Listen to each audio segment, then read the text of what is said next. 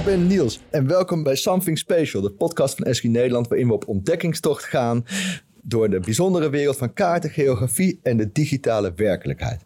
Iedere aflevering vragen we een expert hem van het lijf, zodat je op de hoogte bent van de nieuwste ontwikkelingen en trends rondom de digitale transformatie en location intelligence. Maar vandaag is het weer een andere aflevering waar we eigenlijk de rollen omdraaien. Hè? Want ik heb hier Lotte weer te gast. Lotte, kun je nog één keer kort introduceren? Uh, ik ben uh, Lotte en ik werk op de marketing- en communicatieafdeling van uh, Esri. En ik heb een begrippenlijst meegenomen met begrippen die als ja, iemand die niet opgegroeid is of heeft gestudeerd in de geografische wereld wat onbekend zijn. Nou, we hebben een eerdere uh, sessie opgenomen met wat concepten zoals GIS en Geo en dergelijke, digital twins.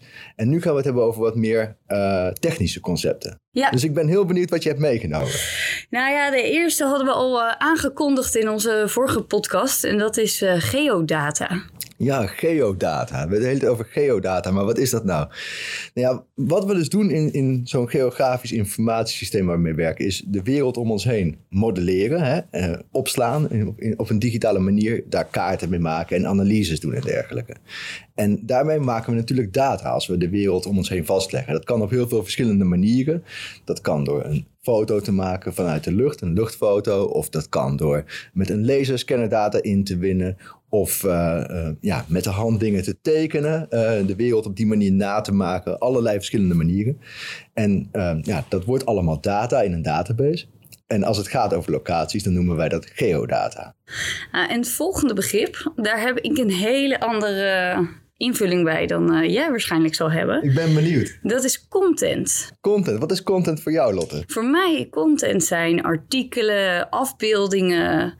Uh, ja, alles wat we zelf creëren of klantverhalen die we maken. Uh, ja. Maar toen ik bij Esri binnenkwam, leerde ik dat content hier wat anders betekende. Ja, we hebben wel een andere betekenis gegeven aan het woord content inderdaad. Want eigenlijk wat, wat wij onder content verstaan is een hele set aan, eigenlijk waar we net over hadden, geodata, die we op een heel bruikbare manier rechtstreeks aanbieden. Dus onze visie is dat wanneer organisaties aan de slag gaan met, uh, met onze GIS-technologie, dat ze niet vanaf nul hoeven te beginnen, maar dat er heel veel kant-en-klare data beschikbaar is Zoals bijvoorbeeld luchtfoto's of gemeentegrenzen of demografische data, wat dan ook. Um, die ze direct kunnen gebruiken. En dat hele aanbod, dat zit in de levende atlas, ja. noemen we dat, en dat noemen we content. Oké, okay, helder. Compleet verschillende compleet defini anders, ja. definities. Uh, ja. Uh, ja, en uh, nou ja, misschien daar een logische vervolg op is apps. Ja, apps is ook een term die vaak valt. Het is ook een beetje een containerbegrip hè? van uh, apps, uh, eigenlijk applications. Maar ik denk dat de meeste mensen bij apps denken, althans ik zelf, aan de, de, de, de vierkantjes op mijn telefoon of op mijn, um, op mijn tablet. En bij Esri uh, hebben we het ook heel vaak over apps.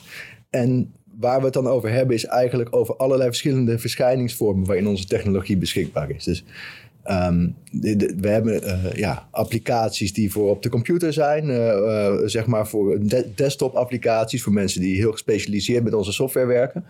Maar je ziet ook dat in steeds toenemende mate krijgen mensen de, de, toepassingen van geografische informatie meer toegespitst uh, ja, tot zich. En dat is in de vorm van apps. En dat kan zijn door een aantal apps die ook als zo'n icoontje op je mobiel staan. We hebben bijvoorbeeld apps voor het maken van formulieren, geografische formulieren of het inwinnen van geodata in het veld.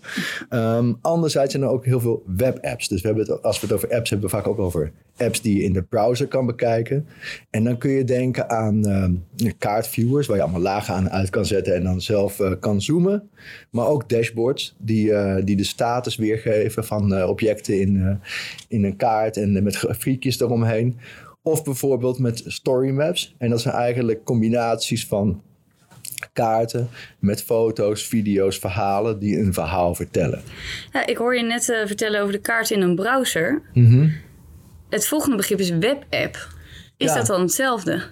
Ja, webapps, dat is eigenlijk uh, een kaart in een browser. En, en, en nu kom je uh, bij inderdaad hoe, hoe, wij die terminologie hebben bij Esri. je hebt kaarten, dat noemen we webmaps voor 2D-kaarten. Of als het 3D-kaarten zijn, noemen we het webscenes. Maar vaak is het zo dat in, in die kaart degene die die maakt, die bepaalt van welke lagen liggen op elkaar. Hoe, kleuren we de objecten? Uh, welke interactie is er toegestaan? Als iemand ergens op klikt, ziet hij dan wel of geen informatie eroverheen. Maar dat is eigenlijk een, een omgeving voor de makers van die kaarten. En als je die wilt delen met je organisatie, doe je dat vaak in de vorm van een webapp. Dus dan bied je die kaart aan met alleen maar de knoppen die iemand nodig heeft om de kaart te consumeren en niet zozeer om te maken. En um, waarschijnlijk daar meteen op inhaken is het woord uh, layer. We denken in, in, in de, de GIS-wereld en de geografie vaak over de wereld uh, waarin we die, die we vastleggen door allemaal um, informatie erover op te slaan. En dat doen we eigenlijk gestapeld in verschillende lagen. Dus als je kijkt naar bijvoorbeeld een. Uh, een, gebied in de stad, dan kun je het hebben over uh, enerzijds de demografie. Wat voor, wat voor soort mensen wonen daar? Dat oude mensen of jonge mensen. Maar je kan het ook hebben over de bereikbaarheid en de hoeveelheid groen. En ja, allemaal lagen kun je over elkaar heen leggen. En dat, in, in de technische zin noemen we dat layers. Hè? Dat slaan we los van elkaar op en die kun je dan aan en uitzetten. En ook met elkaar combineren om uh, analyses te doen. Ja, en dan om uh, in de internetwereld en in de browserwereld even te blijven, WebGIS. WebGIS is een term die we uh, gebruiken om uit te leggen dat het platform wat we bieden voor het werken met die geografische data, dat het op basis van webservices is. En, en wat dat betekent, is dat alle data die ik opsla en, en, en beschikbaar maak, dat anderen die data kunnen gebruiken uh, als een webservice in hun eigen kaarten, applicaties. En dat zo het met elkaar verbonden is. En ook het mogelijk is om de dingen die ik maak op een heel eenvoudige manier beschikbaar te stellen aan anderen.